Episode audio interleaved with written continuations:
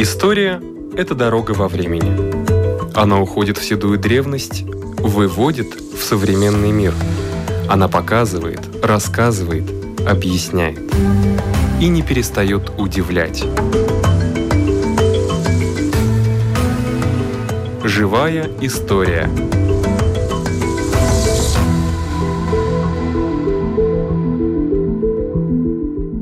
У микрофона Лидия Чера нами профессор Рижского университета Страдыня Юрис Салакс. И разговор пойдет о новом музее анатомии. Когда-то это был анатомикум, но какое отношение имеет э, ваш университет к музею анатомии? Какое отношение? Самое прямое. Коллекция столетней давности и Рижский университет Страдыня – наследник этой коллекции, которая через века менялась, менялись ее хозяева и так далее, но мы считаемся преемниками, наследниками этой коллекции анатомической. Откуда взялась, кто собирал эту коллекцию? Как я говорил, столетней давности нам достаточно достоверно известно, что первый профессор анатомии на медицинском факультете был визитный профессор из Швеции Гастон Бакман достаточно известное лицо в те времена, не только в Скандинавии, но в Европе. Его пригласили стать первым преподавателем, профессором анатомии на медицинском факультете.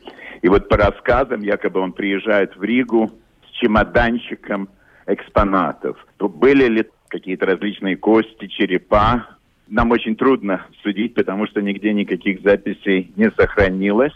И мы сейчас не можем идентифицировать остались ли эти препараты или нет, но начало коллекции, поэтому мы считаем именно с этого мистического чемоданчика, с которым приезжает профессор из Упсала, Гастон Бахман в Ригу, и читает первую лекцию и начинает преподавать анатомию латвийским студентам. Но это не вызвало шока у рижан?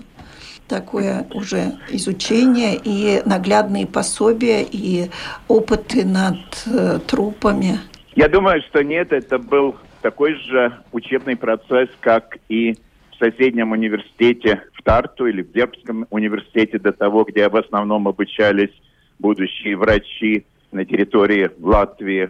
То же самое было в военно-медицинской хирургической академии в Петербурге, где преподавали такие ученые, как Иван Павлов, например, где обучался профессор Паул Страдень и очень многие знаменитые профессора того времени. Там не должно было быть никакого удивления, это был нормальный процесс, так же, как мы сейчас используем компьютерные программы для изучения анатомии. В те времена это были экспонаты, костный материал, очевидные мокрые препараты, которые в формалине хранились. Более того, могу сказать, что на каждой кафедре анатомии был даже в штате художник, который рисовал большие плакаты, которые на лекции развешивались. Они три метра чуть ли не в длину и полтора метра в ширину перед доской, перед аудиторией. И профессор большой указкой показывал. Это было еще совсем не так давно, когда я учился в Рижском медицинском институте – еще использовали даже такие вот плакаты. Но коллекцию он собрал, такие господин вот Бакман, здесь. Но коллекцию уже, он собрал, оставил. господин Бакман, да, здесь. Да, фактически уже, коллекция создавалась. Да. Она даже не собиралась, она создавалась силами преподавателей кафедры анатомии. То, что казалось интересным, то, что может быть использовано в учебном процессе, или какая-то редкая патология. Специально для этого работал, например, был такой лаборант достаточно уменный, который умел изготавливать редчайшие экспонаты. Мы даже знаем его фамилию, это фамилия Пашкевич. Такой лаборант был. Да, это коррозионные препараты, которыми мы сейчас восхищаемся и которых не так уж много в мире. Так что вся сама коллекция была создана в первой половине 20 века после приезда Гастона Бакмана. А что собой представляет музей? Неужели сохранились вот эти первые какие-то экспонаты? Более того, во-первых, в музее все по-настоящему. Все, что вы видите, и на 90, даже больше процентов, это действительно исторические препараты, историческая коллекция. Она не уникальна. При да. каждом университете, медицинском факультете фактически имелись такие коллекции. Но сейчас, в последнее время, все больше университета задается вопросами, что делать с этими коллекциями. С одной стороны, они исторические, появляются новые средства, там, например, стол анатомаш, где ты в 3D можешь видеть человека, повернуть и так далее, виртуальный. Что делать со старыми коллекциями? И фактически здесь университеты делятся на два пути. Одни, которые собираются сохранить и сохраняют. Я должен сказать, что это тоже достаточно затратный процесс. Специальные жидкости, в которых хранят, потому что формалин надо менять на другие растворы. А некоторые музеи даже открываются для публики, как мы сейчас, и таких примеров много и в Америке. Есть такие коллекции публичные и в Европе. И этот путь избрал университет Страдения, потому что коллекция была отреставрирована, перемещена в новое, специально для него отреставрированное здание. И только сейчас, через сто лет, мы стали публичными. Так что любой житель Латвии или гость Латвии может на трамвае доехать до Кромвалда бульвар 9, войти через калитку, и он попадает в музей нормальной анатомии человека. Ну, когда-то там был анатомикум. А где сейчас будут практиковаться студенты страдания? Почему было найдено новое здание? Потому что, видите, нельзя совмещать поток экскурсантов или да. людей, которые пришли посмотреть коллекцию с учебным процессом. От этого ничего хорошего не ну, получится. Да? Да. да, и поэтому было решено в одну из построек на территории вот этого архитектурного комплекса анатомикум, потому что это не только одно здание, там еще другие имеются, отреставрировать и перенести коллекцию из большого зала анатомикума в отдельное здание, сделать отдельный вход и не перемешивать этот учебный процесс, скажем, где студенты действительно препарируют, где занимаются анатомией с посетителями извне. Так что коллекция в прямом смысле была перенесена где-то на 50-60 шагов из одного здания в другое на той же территории. Так что ориентиром все равно остается знаменитое большое фундаментальное здание анатомикум. И все-таки позвольте хотя бы виртуально заглянуть в вашу коллекцию. С чего бы вы начали, если бы я была человеком, который пришел к вам на экскурсию? Да, мне даже не надо начинать, потому что экспонаты говорят сами за себя, и уже в первом зале вас будет встречать скелет Теодора Лукстенша. Кто такой Теодор Лукстенш? Мы знаем, что он офицер латвийской армии в 30-х годах прошлого столетия. Он покончил жизнь самоубийством, но нашли его посмертную записку которая была написана, что он хочет, чтобы его тело отдали анатомикуму, и чтобы из его костей был собран скелет и выставлен для публичного обозрения. Что было сделано уже до нас, и то, что мы сделали сейчас, действительно, это тот экспонат, который вас встречает. Это скелет Теодора Лукстинша. Этим самым мы действительно хотим показать наше уважение к этому и насколько серьезный музей. Мы не музей сенсаций, мы не музей диковин. Да. Мы образовательный музей, и сейчас старая коллекция, она обрамлена современными средствами обучения. Очень много интерактива. Вы можете уже накануне скачать программу, ваш телефон или планшет, по которой вы самостоятельно найдете 20 экспонатов, и у вас будет прекрасное впечатление о музее, вы поймете и о всех системах анатомических человека и узнаете очень много нового. Вы сможете в этом интерактиве экспонаты, которые вы видите, их повернуть на 360 градусов и так далее. Вы просто сможете упражняться, вы можете заказать дополнительные даже уроки рисования, например, того же черепа или человеческого сердца – правильных анатомических пропорциях и с правильными акцентами в этих рисунках. То есть вы не ставили перед собой задачу сделать очередной ужасник, потому что вот совсем недавно, год, два, три назад, когда приезжала эта выставка с людьми вскрытыми, кожа да. снята, я не знаю, мне казалось, это, это ужасно. То, что я Но видела, здесь я не думаю, ужасно. что они ставили, вы говорите о Фонхагене. Да. Фактически у нас не было выставки Фонхагена, но по его методике китайцы привозили выставку. Я не думаю, что они ставили цель, так сказать, кого-то страшить и так далее. Там был другой такой немножко этический вопрос, где ее надо выставлять. Коллекция у них и экспонаты были настолько большие, что я думаю, что они нигде не могли получить закрытого помещения это появилось в торговом центре, и тогда, конечно, это было... многие возмущались. Да, я в том Но числе. смотрите, к чему мы пришли сегодня, мне кажется, сейчас уже началось вакцинирование в торговых центрах. В чем разница? Просто если раньше люди встречались в театрах, в кино, в кафе, то сейчас, получается, мы больше встречаемся в торговых центрах. Таково уже время.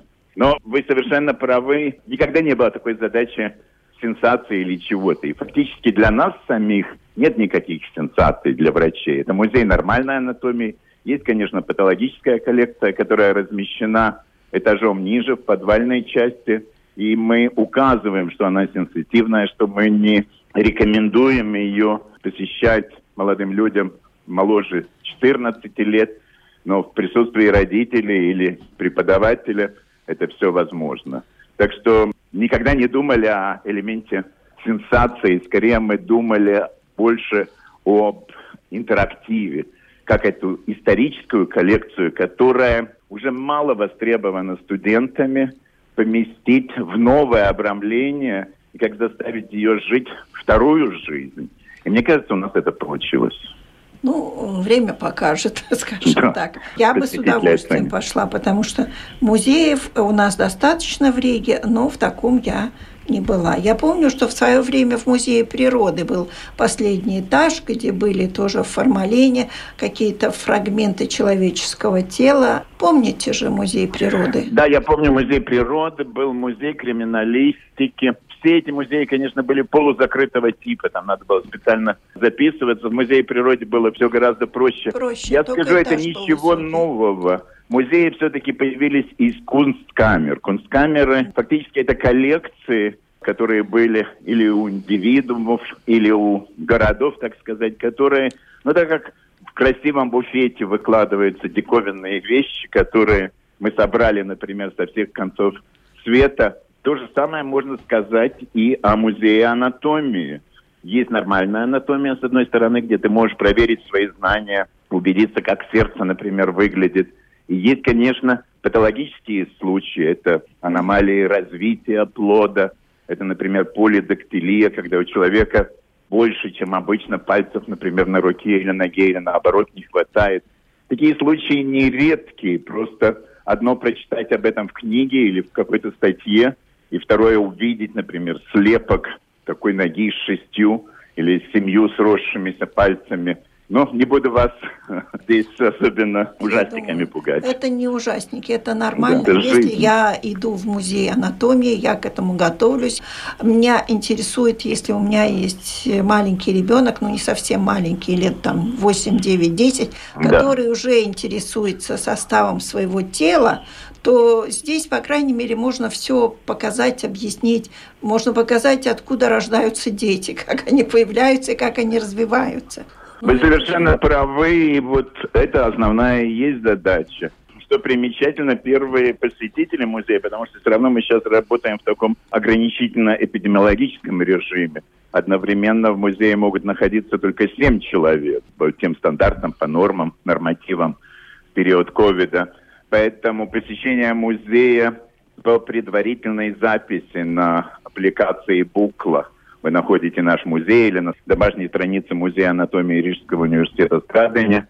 Вы ну, находите, как перейти, надо зарезервировать свое время. Ну, кто захочет, посещения. тот найдет. Я абсолютно Обязательно, уверена, я да. в этом не сомневаюсь, да. Долгой жизни вашему музею хочу пожелать. Да, я думаю, что вот такое сохранение традиций – традиций своих университета в прошлом, то, что сделано, и то, что музей становится официально публичным, мне кажется, это здорово. Он не конкурирует с другими музеями, как, например, музей медицины или музей природы.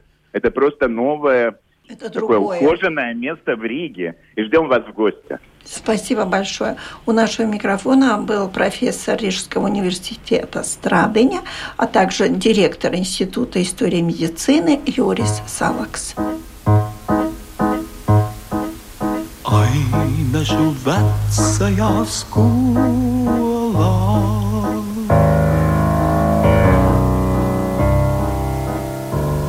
Es skatos tai vecajā bildē, kādi jauni un skaisti vīri un brauca viņi uz kuģiem. Paskaties, kā viņi skatās.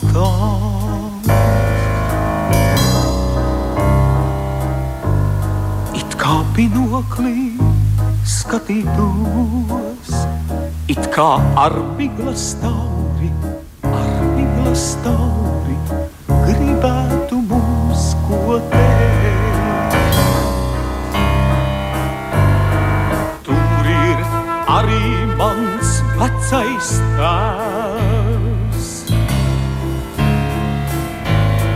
Stiprs lepns kā vēls, tagad viņš kapos guļ zem silām atraitnītēm.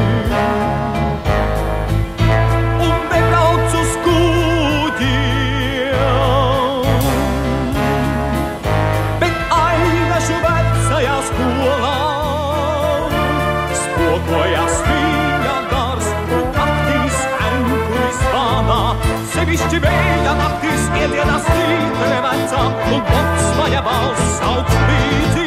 Sevišķi vēja naktīs iedienas tītre vecā un maja balss sauc līdzi. Мореходное Училище. училище Кришьяна Валдемара. Того, который сказал Браутьет Латвии. Юрия, я, я, я. Сотрудник музея Риги мореходства Айгарс Никлавс. Мореходное училище Криша Валдемаса было создано в 20 году и открыто 28 ноябре. Она была названа в честь Кришана Валдемаса, которому было большое значение и мореходство вообще Латвии. Его усилиями была возможность местными жителями обучаться мореходному знанию. Его усилиями, потому что он занимал хороший пост. Пост тоже, но у него был такой, ну, интерес к мореходному делу. И можно отметить два такие явления. Первый, то, что он привлекал жителей Айнажи к тому, чтобы а, Обучаться ну, создать мореходное училище.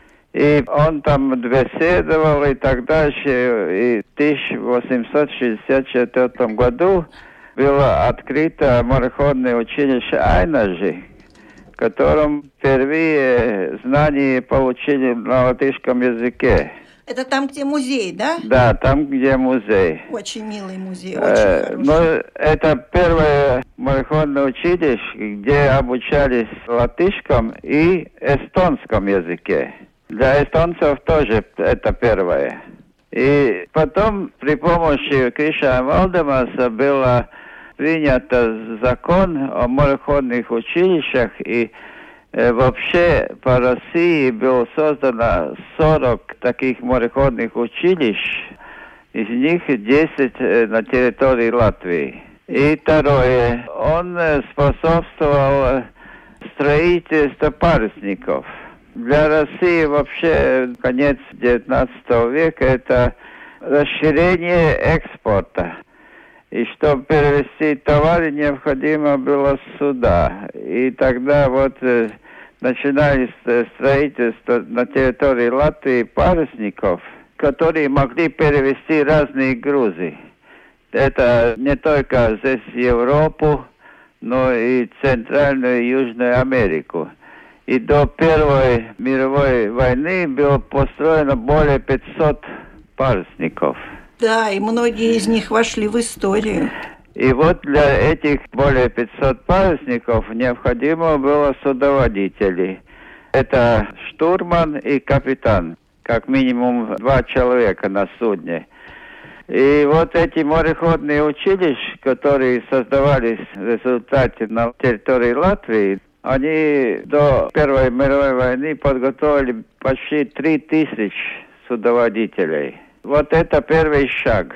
И когда в конце 20 года было создано мореходное училище, в Риге. В Риге, да. Тогда морской департамент, который руководил этим всем делом, предложил назвать э, именем Кришна Валдемаса.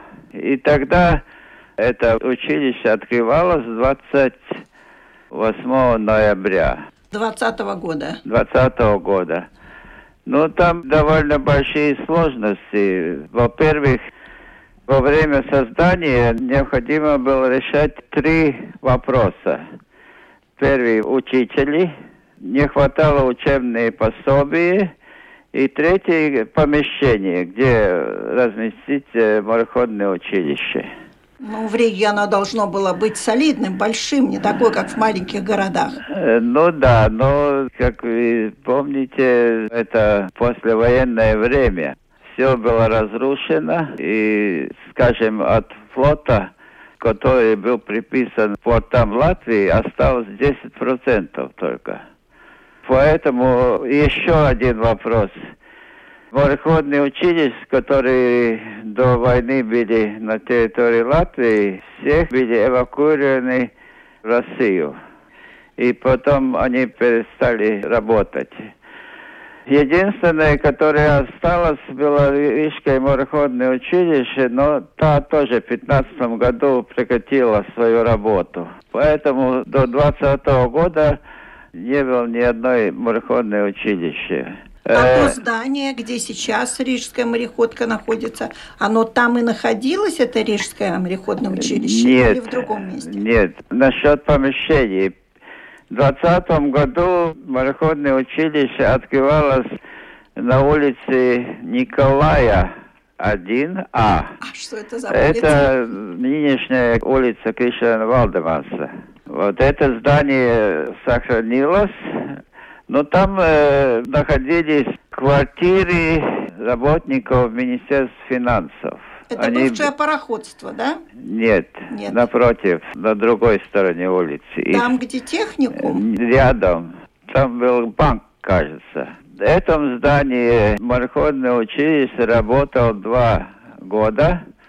В 22 году отремонтировали дом моряка. Это здание находилось на той стороне Долговой, на берегу Агенского залива. Здание было построено в 1884 году и так и назывался «Дом моряка». Почему такое название? Дело в том, что моряки, которые ходили в море, остались без судов, и они ждали, когда получат новую работу. Они проживали в этом здании, это чердачном этаже, находились такие маленькие помещения, где можно было переночевать, и поэтому назывался Дом моряка. Но с постройки там находилось мореходное училище Риги. Это биржевого комитета, и он осуществовал до 1915 года. Во время войны здание пострадало, и летом 22-го его отремонтировали, и вот туда перешла мореходное училище Кришана Валдемаса. Но это здание не сохранилось.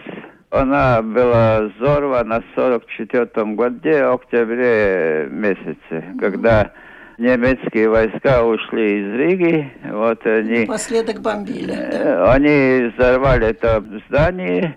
Ну, сейчас на этом месте, если смотреть с этой стороны Долгови, там есть круглое такое современное здание. Приблизительно на том месте находился вот этот дом моряка. Ну, а когда уже построили мореходку? Это ну, другая история, вы хотите Да, это сказать? другая. Та первая мореходка была в Пардаугове. Да, да, да. Но не проработала так 22 года до 41 года. Когда одну оккупацию сменила другая, немецкое руководство военное попросило освободить, это улица Кудю, 25. И мореходное училище переместили на улицу Куди, 15. И последние три учебные года, до 44 года, мореходное училище работало там. И последний выпуск мореходное училище было в 44 году, 4 апреля. Занятия в мореходном училище проводились с сентября по начале мая. Это было занятие в школе.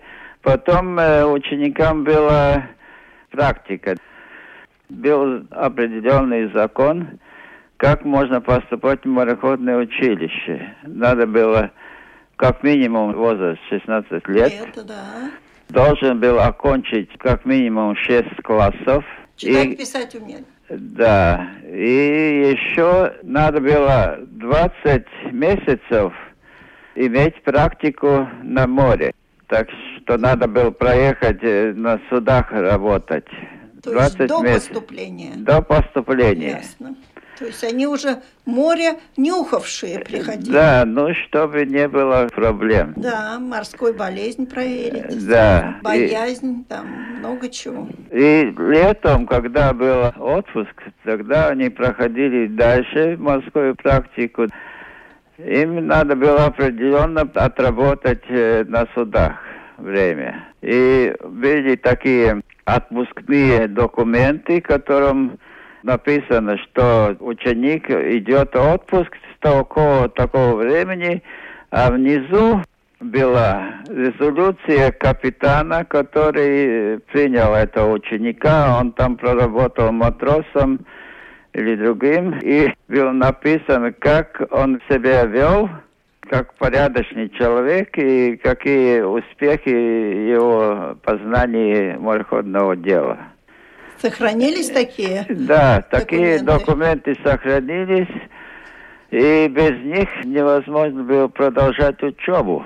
Было определено, что после, скажем, первого класса надо проехать столько месяцев на судах, и пока это не было выполнено, не, не мог поступить дальше. Мореходное дело было так поставлено, что Первый диплом штурмана можно получить, который закончил второй класс человек, и эта морская практика не меньше 24 месяца. Все было определено. Скажем, капитаном дальнего плавания надо было закончить училище, и потом 18 месяцев проехать как штурман на судах. Я знаю, во всяком случае, в музее Айнаша говорили, что наши специалисты были очень хорошие. Да. Ну, в принципе, мореходное училище было главное училище Латвии. Мореходное училище Лепа и Венспилс некоторое время. Мореходное училище Кришан Валдемаса было самое главное. Она как центр обучения морского дела Латвии. Здесь впервые учители мореходного училища издавала учебные книги по морскому делу в латышском языке. Это была очень большая проблема. Впервые в 26 году начали издавать мореходный ежегодник – которым э, обсуждали разные проблемы, и статистика была, и так дальше. Таких изданий было пять. Среди учеников было и морские кадеты, которые готовились для военного флота. Они обучались в мореходном училище в третьем и четвертом классе, получили знания. Потом они продолжали учебу в военном школе. 30-е годы в мореходном училище учились литовцы. Подготовка была судоводителей и механиков. В результате мореходное училище подготовило необходимое количество судоводителей и механиков для судов торгового флота. И еще хочу добавить отличных специалистов. Да. Согласны со мной? Вполне. Спасибо. У нашего микрофона был сотрудник музея Риги и мореходства Айгарс Никлаус.